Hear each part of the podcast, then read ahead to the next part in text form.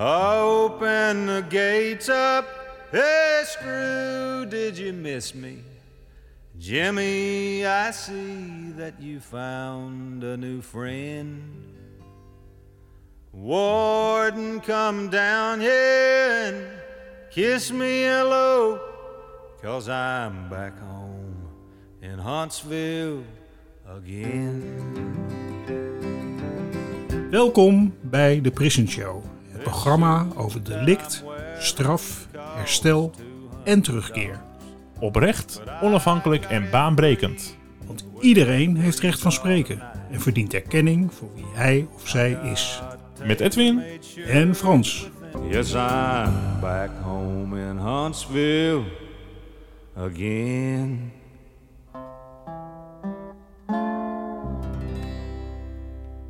Hello and welcome to this week's episode of Prison Show podcast.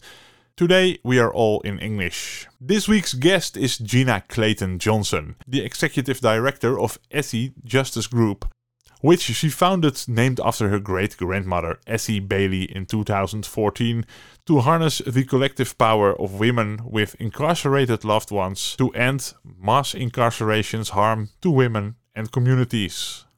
Gina has spent more than a decade advocating for communities of color. Her experiences as an organizer and civil rights activist in South Los Angeles led her to pursue law. In her first year as a student at Harvard Law School, someone Gina loves was sentenced to 20 years in prison. Despite years of work in racial justice and organizing prior to law school, it was this painful personal experience that would put her on a new course.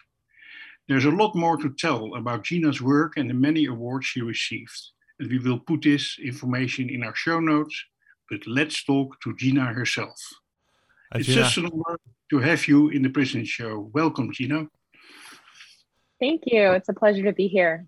To start off, can you tell us uh, what activities Essie Justice Group does for and especially with the women who have a loved one in prison? Sure, absolutely. So, Essie Justice Group, as um, you mentioned, Frans, um, was named after my great grandmother. Um, her name was Essie Bailey and spelled E S S I E. So, if anyone is looking at wants to look it up, it's E S S I E Justice Group. Um, we are a loving and powerful community of women with incarcerated loved ones. Um, and increasingly, thankfully, women with formerly incarcerated loved ones, because we know that the journey doesn't just end um, when someone comes home. Um, we are mothers and sisters and wives, daughters, girlfriends, grandmothers, partners of people who are behind bars. And those people are both men and women um, and people of all genders behind bars.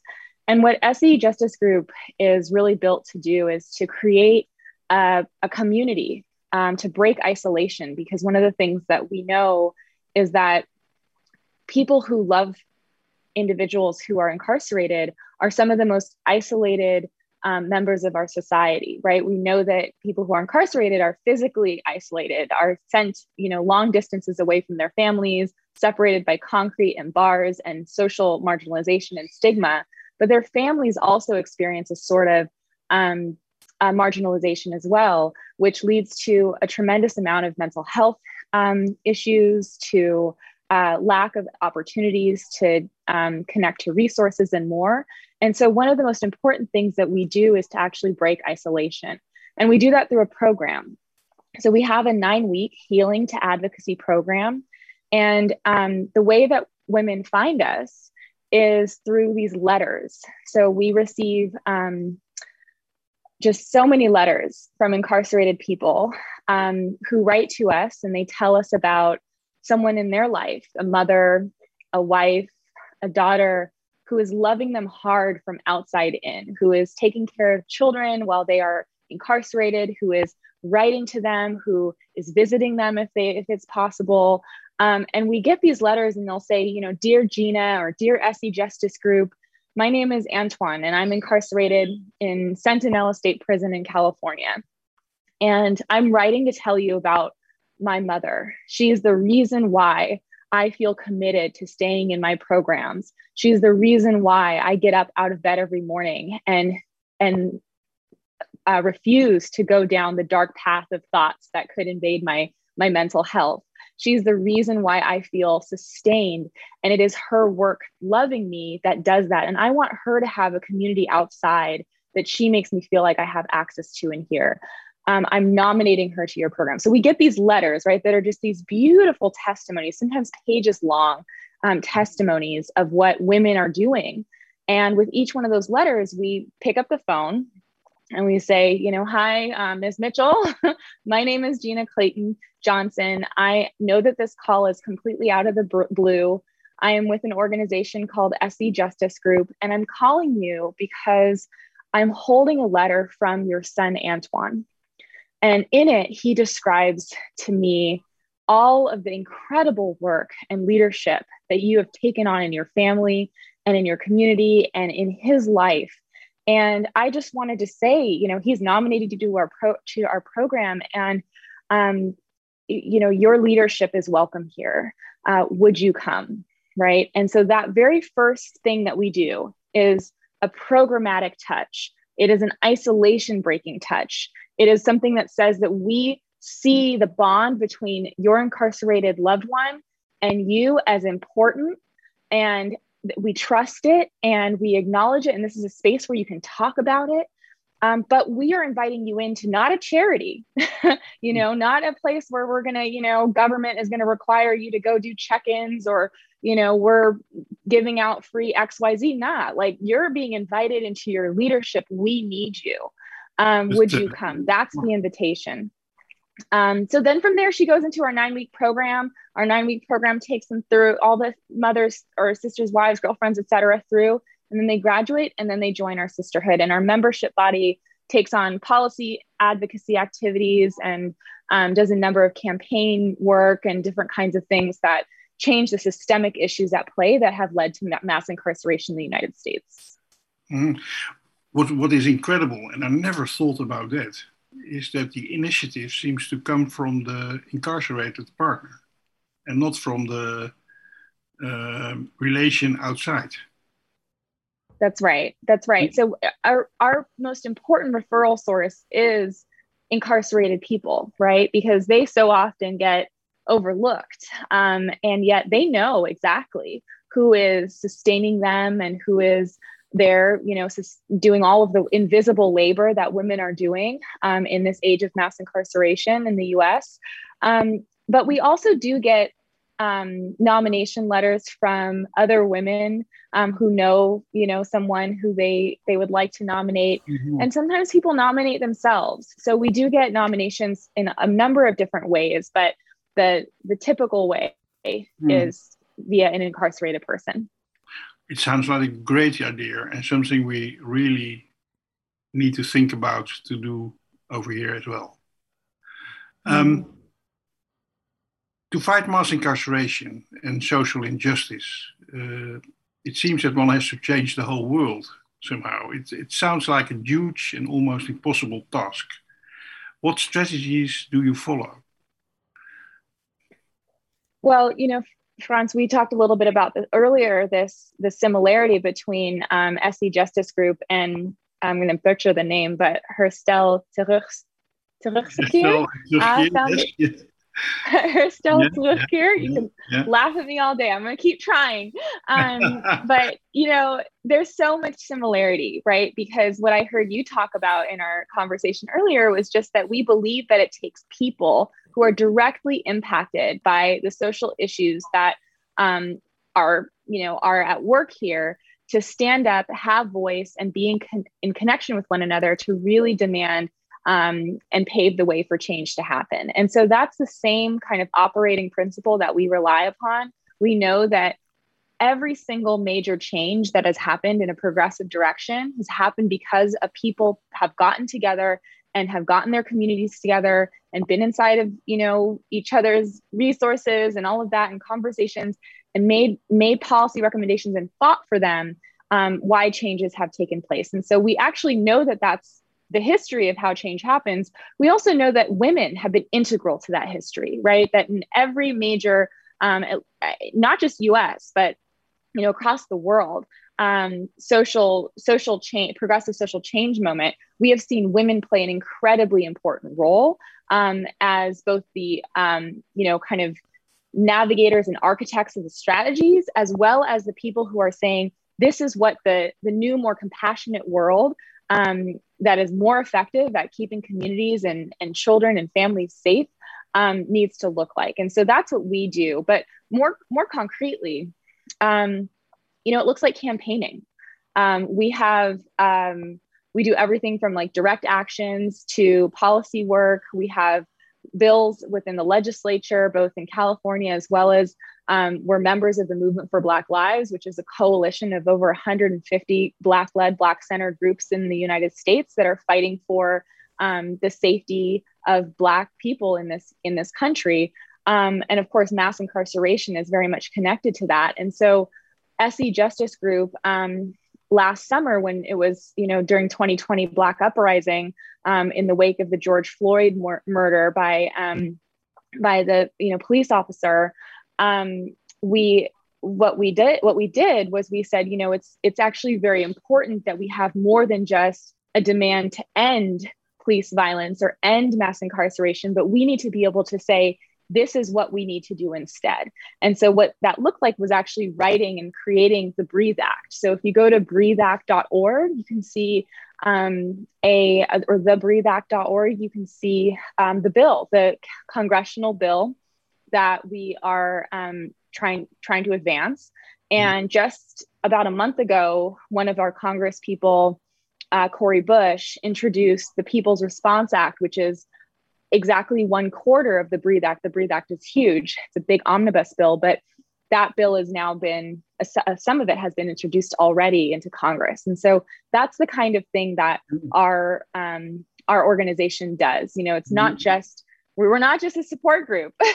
we fight. Um, we you know we're trying to take on the systemic issues so that our children don't have to deal with the same things that we're dealing with we want to put that uh, uh, that that link in uh, our show notes, don't we, Edwin? Yeah, of course. Uh, like we uh, put all relevant in information uh, and links in the show notes of the podcast.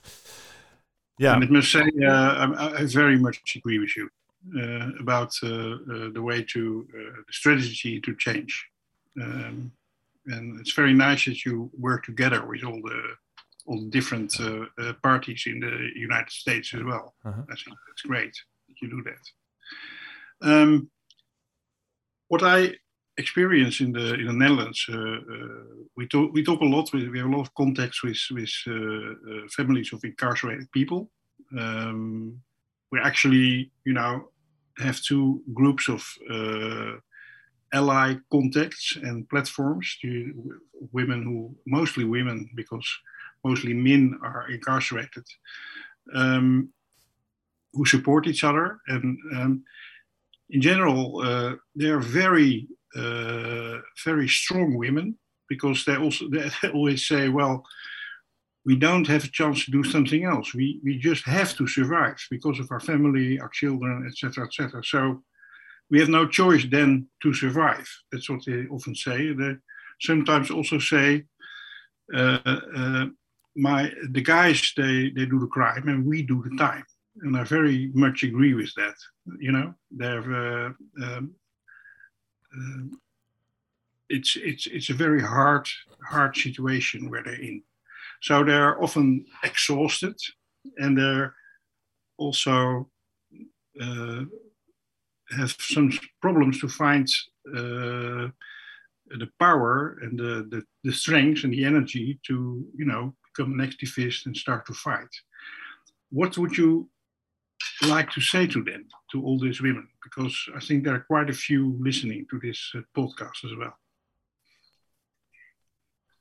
I mean, I would say that you are not alone um, and that the experience that you're going through is not um, some pathology or some kind of um, issue that you have brought upon yourself um, shame and guilt and um, you know kind of self um, harmful thoughts are very much a part of what it means to have someone behind bars and um, I would say, you know, it, it is not your fault.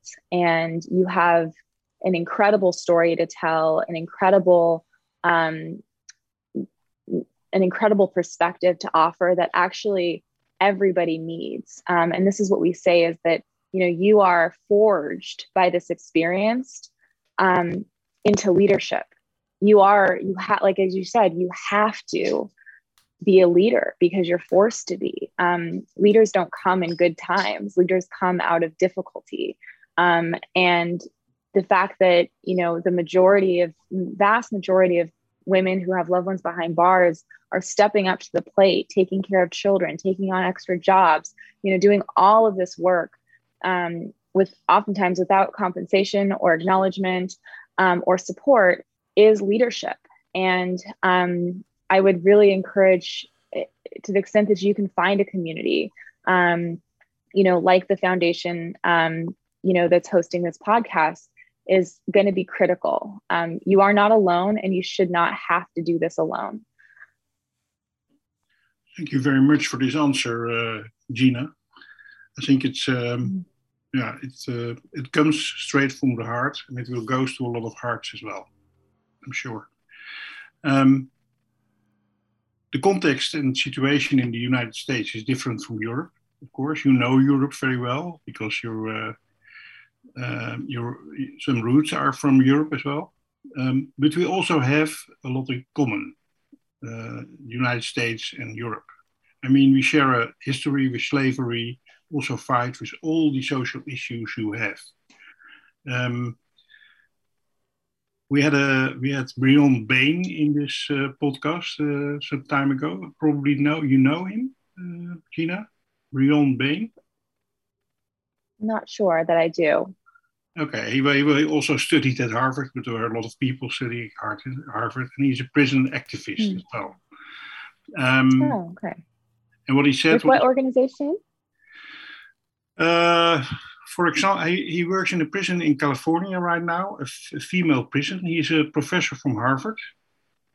Uh, he mm. does uh, creative writing and performing in the in the female oh, prison. Oh, inside. Oh, interesting. Okay. Mm-hmm. And um, uh, he also was in the center of new leadership in um, in um, uh, New York with uh, mm. Mr. Yeah, Park. it feels like I should know him. yeah, yeah. We well, have some overlaps. that was in our podcast when we talked to him. He said, "Well, it's it's it's we are very we have a similar, a very uh, parallel uh, uh, history. You know, we come from Europe, and uh, slavery came from Europe as well, and um, uh, we are all part of the same problem. Like, and it's not only about uh, racism uh, towards uh, black people, but also it's uh, also about females and about women and about all kinds of LGBT, etc., etc. So he was saying that uh, something international has to happen, you know, an international movements to uh, uh, really make impact. What do you think about it? Yes, well, I, I 100% agree with that. I mean, I think about, you know, the, the reason why Essie Justice Group talks about women and doesn't talk about families. We say families when we mean families. But mm-hmm. what was I what I was noticing was that people were talking about families, but really every you know families of incarcerated people, but really everybody who they were talking about when you looked at it, they're all women, right? Mm-hmm. And so I thought to myself, you know, it's actually very important the words that we use because it dictates how we address the issue. And you're right, you know, racism is at the crux of this, right? Is at the heart of the the ways in which our system of punitivity and harm and you know um, our our public safety kind of infrastructure all of that has been built around our racist past and and and current. Um, but it's also very much been built on patriarchy and the way in which our patriarchal values um, have have really forged and really been um, entrenched in all of our systems and our approaches to so how we how we come up with problems right? So you think about the fact that for example for the last you know there was about a 40 year period in which in the united states we had um, the war on drugs. And um, that during that time we saw a huge increase i think about 500% um, of increase in uh, incarcerated people right? So our incarcerated population just skyrocketed and the approach to how to deal with um, you know social issues relating to depression joblessness um, uh, you know domestic violence um, uh, lack of healthcare and access to healthcare all those things mm. our approach has been in the us to to treat that with a punishment mm. um, and and punitivity and the way that we punish the way that we control um, the tools of isolation are actually patriarchal tools, right? They're they're tools of, of patriarchal violence and ideology. And so it, there's something about the, the the manner in which we address these problems that needs to be beyond, you know, one particular region or country or um, one particular you know lens around around race i mean we must include you know race class gender um, into our analysis if we are going to completely eradicate and depart from our current um, kind of harmful harmful path that we're on. That's what we believe. And so the reason why that connects with you know what's happening in the netherlands and across europe is that um, you know this these paths of xenophobia um, you know fear of foreigners uh, punitivity anti-black racism um, uh, you know gender uh, violence all of that exists you know there too right there that's that's real there too and so the reality is that that even though things i think might be much worse in the us in terms of the number of people that we incarcerate mm-hmm. um, you you might very well find yourself on the same path if mm-hmm. we're not careful and so i think the us can can prove as a cautionary tale um, and we've constantly been looking at other you know places to say well what can we learn from um, uh, places that are, are a little bit more innovative and more compassionate um, in their approach to incarcerated people. Um, and, and that's why it's important for us to be in dialogue, you know, to continue to have these conversations cross borders. One of the things that, uh, thank you. One of the things that I, I learned in the last five years, I think, I always was activistic and I was left wing and I was in politics mm-hmm. for a while, even uh, uh as a left wing left wing uh, city council member. Um, and I always thought, well, I'm very activist for a better world. But what happened in the last five years, and Black Lives Matter um, had a very important role in that, uh, and also the discussion about uh, the nature and the um, uh, saving the planet, that I mm-hmm realized it's not about injustice in the world. It's not about uh, inequality and violence other people commit. No, it's about me. It's about me. We're talking about me. When something happens in the United States, when a, a black uh, man is killed the way he is killed, uh, we're talking about me. You know, it's uh, it's it's my fellow human being um, experiencing this, and I'm a human being too, and he's my brother, and I let it happen. And somehow, I'm also responsible for what what happens in the world, wherever it is with human beings, and that's for me uh, that it came so pers- became so personal is something that uh, I think that happened to a lot of people over here. That mm. we, uh, you, we probably know the word Ubuntu, which is from an old African. Yeah. Uh, well, and that's that's th- those are words that are giving to this attitude, and um, well, I realize that when I look around in my house, that about everything which is here, and about everything what is in your nice house behind you, is uh, produced by people in very bad circumstances in countries who are, um, you know, as rich as we are. We, we di- we don't deserve it. You know, we just have the position that we can take it, but others are giving it to us by their hard labor and the bad circumstances they are living in. So yes, yes, it it describes kind of the interconnectedness of these issues, right? The kind of gender-based violence and patriarchy, um, our kind of heteronormative lens that's inside of that, our race, you know, kind of racism piece, and then also capitalism and the ways in which kind of our exploitative markets have also created um, a incentive to continue on this path. And and so I think there's all of these things need to be addressed holistically. And that is that, you know, it, in the US at least, there's been a real, I think, movement Black Lives and Black Lives Matter has been very intentional to that just Black men who are being um, harmed, right? It is Black men, Black women. Breonna Taylor, it um, you know, is a Black woman who who was murdered in her bed um, by police officers who were looking to arrest her partner, right? And um, and that sort of thing happens here in this country regularly, and yet because of the ways in which we, you know, affix our our gaze at men or you know have kind of a male centric lens a lot of the impacts on women are appreciated undervalued and underaddressed and so women who have loved ones behind bars face huge amounts of poverty social isolation um, you know mental health uh, crises and and more. And yet because we have this kind of preoccupation that like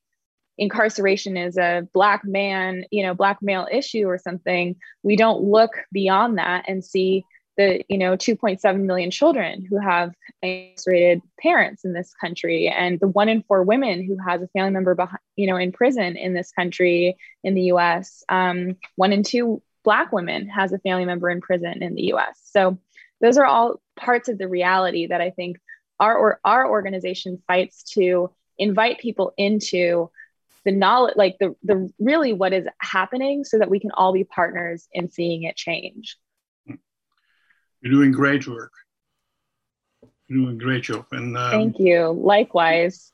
I'm fully uh, i'm, I'm fully uh, charged up right now and very inspired by your uh, story. Mm-hmm. I, I, picked up some ideas from your story which we can talk about over here.